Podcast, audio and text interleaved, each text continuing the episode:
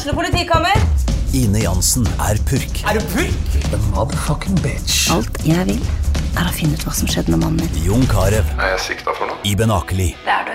Ole So, Lars Berrum og Big Daddy Karsten. Hvem sin side er du på, egentlig? Anette Hoff, Tone Danielsen, Kommer du fra Afrika? Jørnis Josef, Nesten. Kløfta. Trond Espen Seim, Det er synd å si det, men det var feil mann som døde. Purk. Premiere tirsdag på TV2 Play.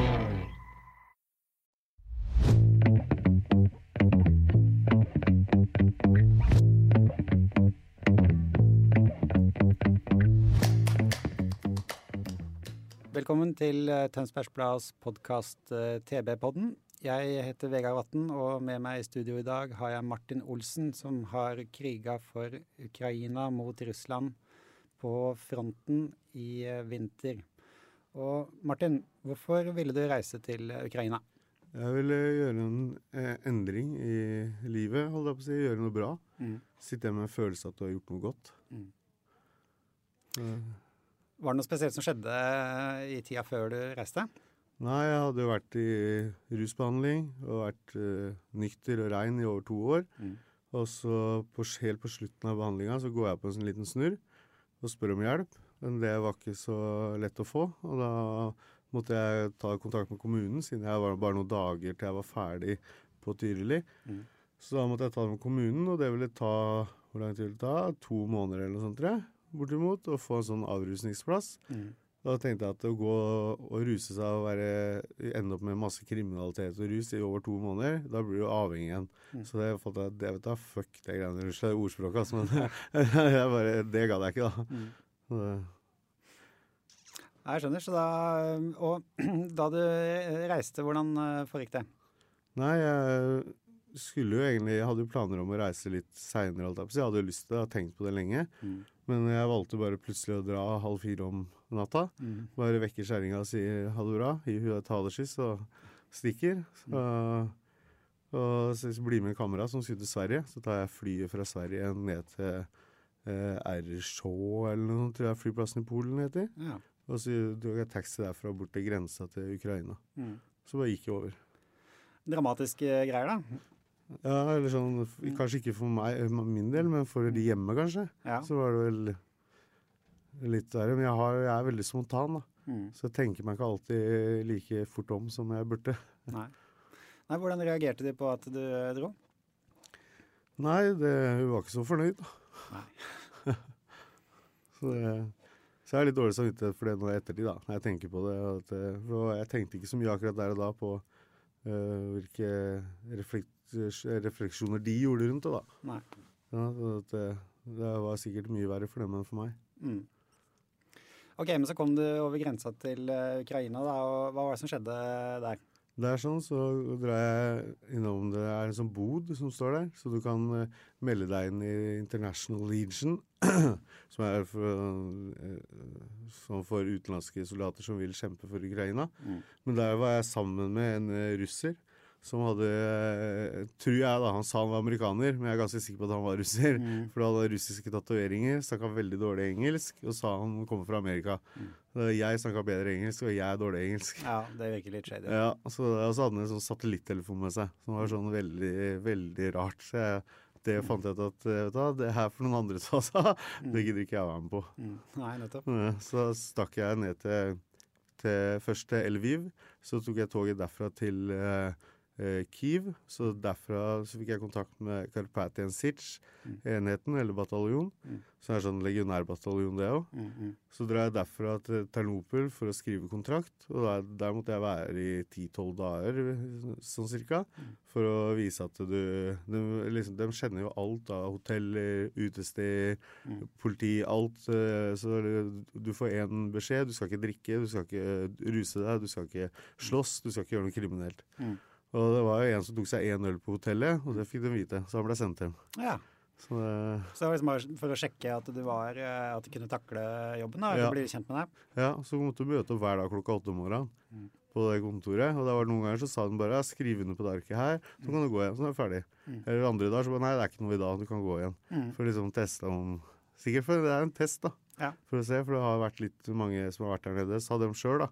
Som har vært sånn, litt sånn Call of Duty-spillere, som bare har kommet ned for å tro de kan krige, og når det først smeller, så blir det tøft, da. Ja, Hadde du noe, noe eh, soldatopplæring eller krigserfaring fra før av? Nei. Hadde jeg. Jeg sa jeg hadde det, men jeg hadde det ikke. Nei. Jeg tenkte tre til ja, det var det, det er seks til åtte måneder eller noe med trening. Eller mellom tre til åtte et eller annet sted. da. Så sa han sa at nei, nei, du går ikke fra videregående til barnehagen igjen. Så jeg, Nei. jeg var så, så, så jeg jugde, på meg den, da. Mm, mm. Ja, OK. Så derfra bar det til eh, fronten, da. Ja. Rett ned til grensa mellom Eller til sloviansk. Mm. Og derfra bort til eh, basen, som er en times tid unna. Og så har du da fronten Det er fronten, på en måte, men du har den der du sitter og sitter døgnet rundt og passer på. Det er litt lenger bort igjen, da. Mm. Ja. Og det her, det var eh, Når på året var det? Det var på, fra de, de, slutten av desember til eh, ja, rundt slutten av februar, Mm. tror jeg. For, var, ja, for jeg var hjemme igjen 1. mars. Mm.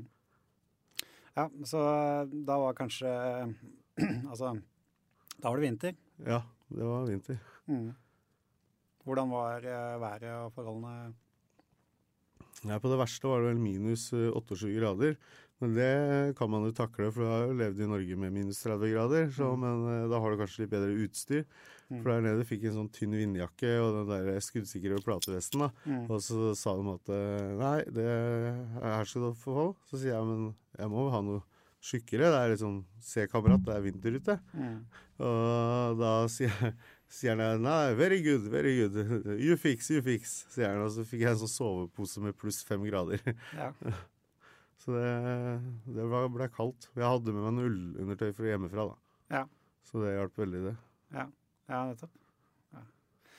Uh, og um, oppgavene dine ved fronten, da, hva gikk det ut på? Jeg sitter i skyttergrav og passer på fra mellom klokka hva er det? Eh, ni og tre, eller Mm. Det kom litt an på hvem posisjon du satt på, da. Mm. Men du fikk liksom fra derfra til dit, alt som rører seg, så du bare skyte. Ja. Så det er, Bortsett fra dyr, da. Ja. Det, Og mm, hvordan var kampene, liksom? Nei, den var Det var heavy, det. altså. Det smalt jo De sender jo mest artilleri. Mm. Før de kommer, kanskje kommer de, så kommer de snikende om natta. Mm. Så du sitter jo på post hele natta med sånn termokamera og s- sjekker rundt der, liksom. Mm. Og de sa det også til meg at ja, hvert 20. minutt kan du reise deg opp og ta en runde. Og så sier jeg at vet du hvor langt jeg kom på 20 minutter, eller? Mm. Det er ikke aktuelt, da. Det er i hvert fall ikke mer enn fem minutter mellom hver gang jeg sjekker. Mm. Så det Mm. Ja.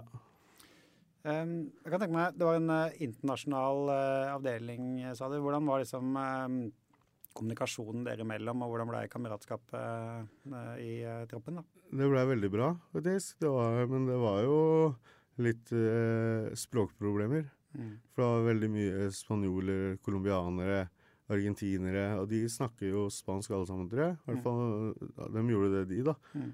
Så var også veldig dårlig engelsk. Mm. Så det var, det var litt spesielt å sitte liksom Men jeg satt jo på post med en som snakka engelsk.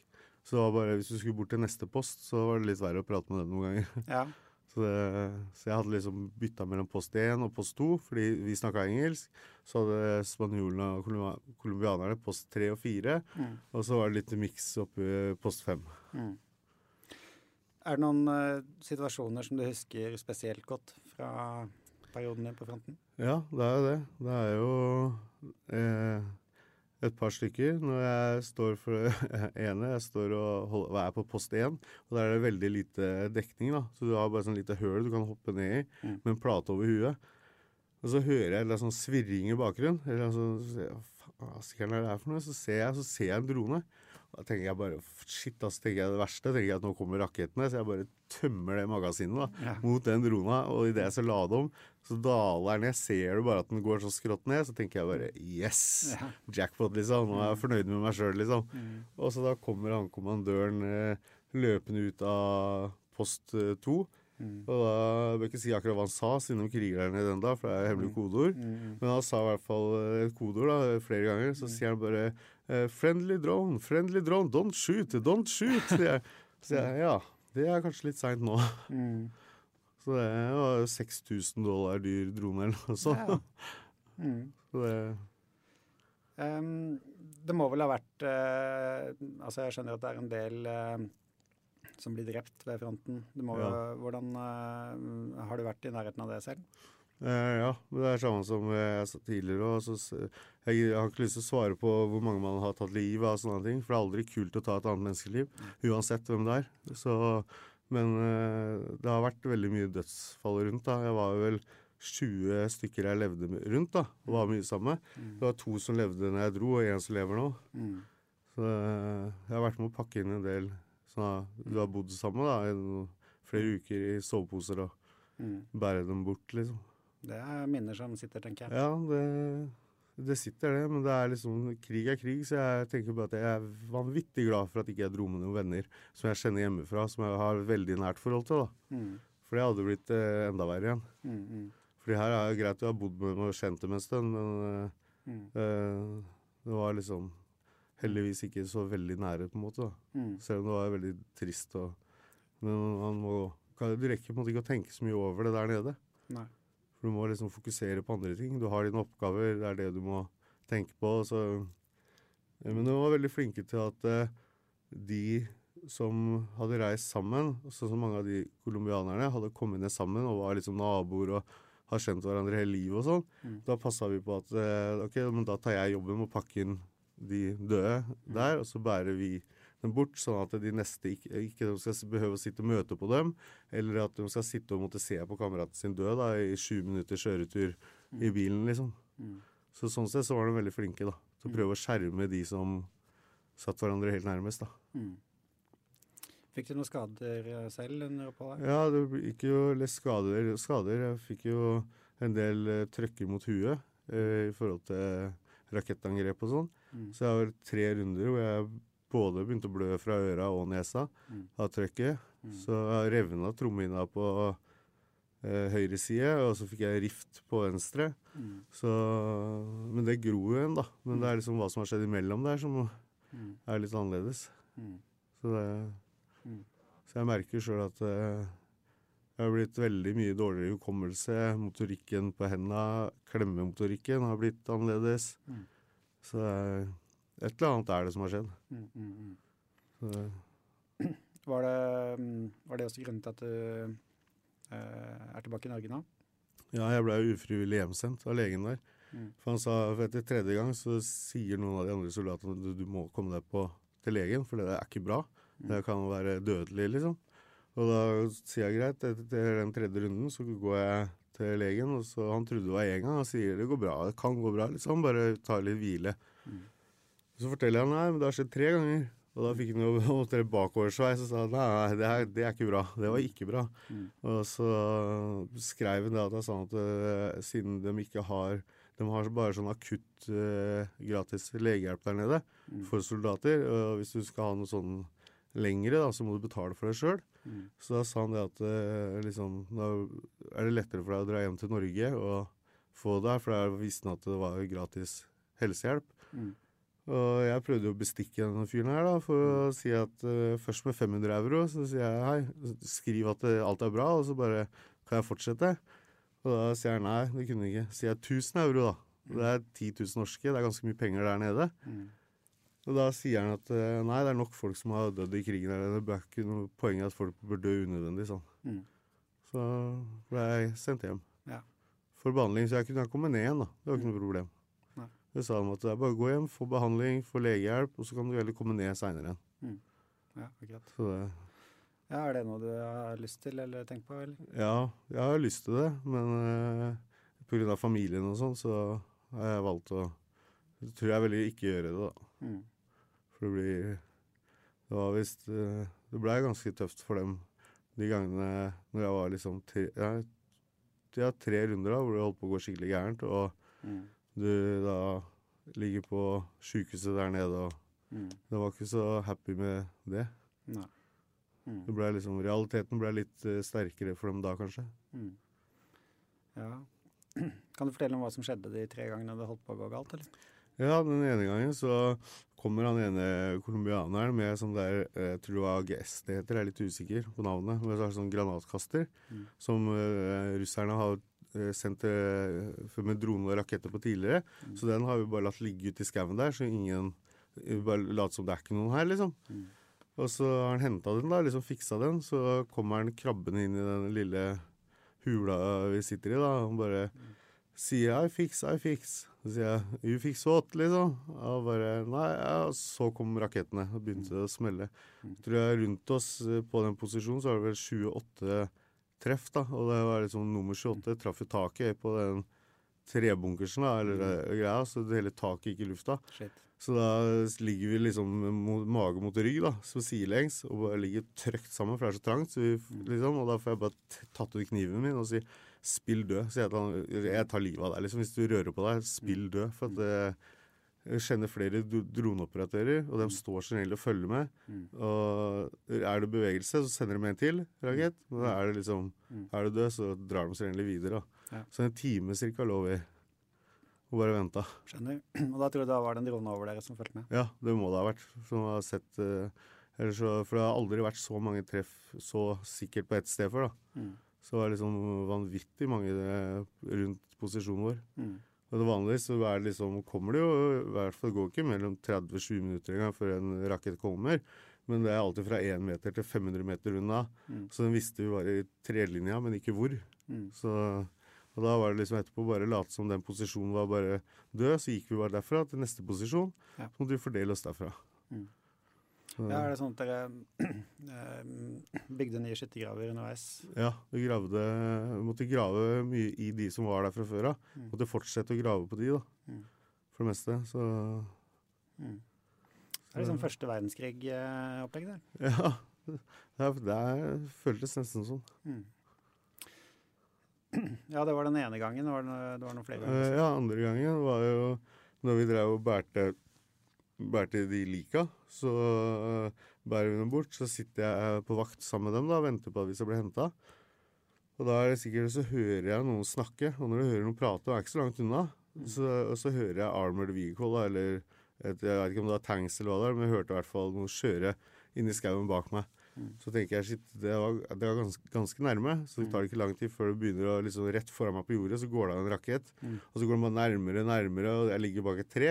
Tenker shit, faen skjer det nå? Altså, da treet på, bak treet mitt bare går av, liksom, rett ved siden av meg. Da skjønte jeg at nå må jeg bare løpe, liksom. Ja. Så da måtte jeg bare løpe og komme meg i dekning. Så det, og da så begynner det å bli mørkt. Og pga. de blink, blinka fra eksplosjonene, så ser jeg sinnssykt dårlig. Så jeg ender jo med å løpe rett til et tre som ligger knekt foran meg i veien. Så jeg går rett i bakken for full telling. Og da var det bare opp igjen og prøve, mens liksom, rakettene var liksom et par meter bak meg og traff. Men de hadde liksom ikke noe sånn treffsikkert. da. Det var liksom to meter, fem meter. Du så dem justert inn da, mens de skøyt, liksom. Så Herregud. Hvordan er eh, adrenalinnivået i en sånn eh, situasjon? ja, det er ganske høyt. Mm. Det er det. Men det er mer sånn det er liksom, Du løper jo og skyter inn i skogen samtidig. Tenker på, faen Ja, du skal liksom ta igjen, da, liksom, og skyte. Men du, du ser dem ikke, for det er så mørkt. Og jeg, de hadde termokikkert, det er jeg ganske sikker på. Mm. Så hun så meg, og det hadde ikke jeg der og da. Så jeg visste jo ikke hvor, så jeg bare tømte magasin på magasin jeg, innover mot skogholtet til jeg kom meg til første posisjon, da, hvor jeg fikk eh, hoppa ned i en sånn skyttergrav. Mm. Så, og så da, tredje gangen var vel eh, det samme, bare at da sto jeg på posisjon, og da gikk det av liksom ja, Da sto jeg på posisjon én, og da bare plut, plutselig så kom det eksplosjon i lufta ved siden av meg. Så gikk av det tror jeg var sånn som går av etter så og så lang tid, for den traff ikke noe. Den bare gikk av omtrent rett ved siden av meg. Så eh, det, ja, du skjønner det trøkket, for å si det sånn. Ja, turen hjem, da. Hvordan gikk den? Nei, den gikk jo, tok jeg, var jeg med, ble jeg med sånn evakueringstog fra Dnipro, og så oppover til Lviv. Og derfra så kom jeg meg til grensa over og til Airshow-flyplassen igjen, og så flydde hjem til Norge. Mm. Hvordan har det vært å komme hjem? Nei, det har vært øh, øh, tøft, på en måte. For det er nesten verre å sitte hjemme, for da sitter du for deg sjøl med tankene dine, enn hva det var der nede. For der måtte du bare fokusere på én ting. Mm. Du hadde én ting å tenke på, det var liksom Mm. Beskytte området her, eller den linja her. Mm. Og det, da, så er det såpass beredt og obs Mm. hele veien at uh, mens hjemme så rekker du å sitte i stillheten og tenke. Mm. Og det er ikke alltid like bra. Kan tenke meg det tar litt tid å lande etter en sånn ja. opplevelse. Jeg har fortsatt ikke landa helt. Nei. Så, det, så jeg merker det at jeg blir stressa og Mm. bare sitter hjemme. Mm. Men jeg følte at jeg var til nytte òg, da. Det gjør jeg ikke på en måte her hjemme på samme måten. Nei. Jeg føler ikke at jeg har like mye meningsfullt å gjøre her. Mm. Sant. Soldater som reiser ut for det norske forsvaret og deltar i Nato-operasjoner, de får jo um, um, ganske god oppfølging, eller veldig god oppfølging, når de kommer hjem. da. Um, hvordan har det Har du, har du savna noe sånt? Eh, ja, på en måte litt, men samtidig ikke, for jeg har jo psykolog fra før av. Mm. Men det har liksom, det har ikke vært tema ennå, å snakke så mye om akkurat det. Nei. Selv om vi har prata litt om det, liksom, selvfølgelig, men ikke mye, ikke noe sånn Nei. grundig. Men nå har ikke det Foreløpig så har jeg ikke har jeg tatt så veldig stor plage av det. Jeg var jo frivillig jeg dro ned, så jeg kan ikke akkurat sitte og sutre etterpå Mm. hvis det skjer noe. Mm. Du reiste jo ned eh, for å eh, hva skal jeg si, rømme fra eh, risiko for å utvikle rusproblemer. Da. Hvordan har det gått når du kom tilbake? Ja, det har gått bra, det. Mm. Det har faktisk det. Mm.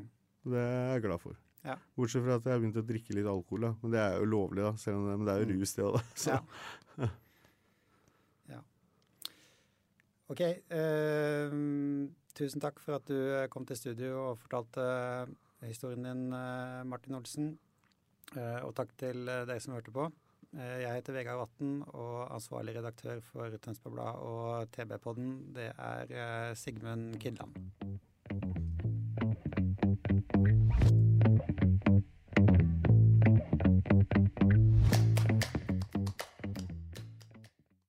Har du et enkeltpersonforetak eller en liten bedrift? Da er du sikkert lei av å høre meg snakke om hvor enkelt det er med kvitteringer og bilag i fiken, så vi eh, gir oss her, vi. Fordi vi liker enkelt. Fiken superenkelt regnskap.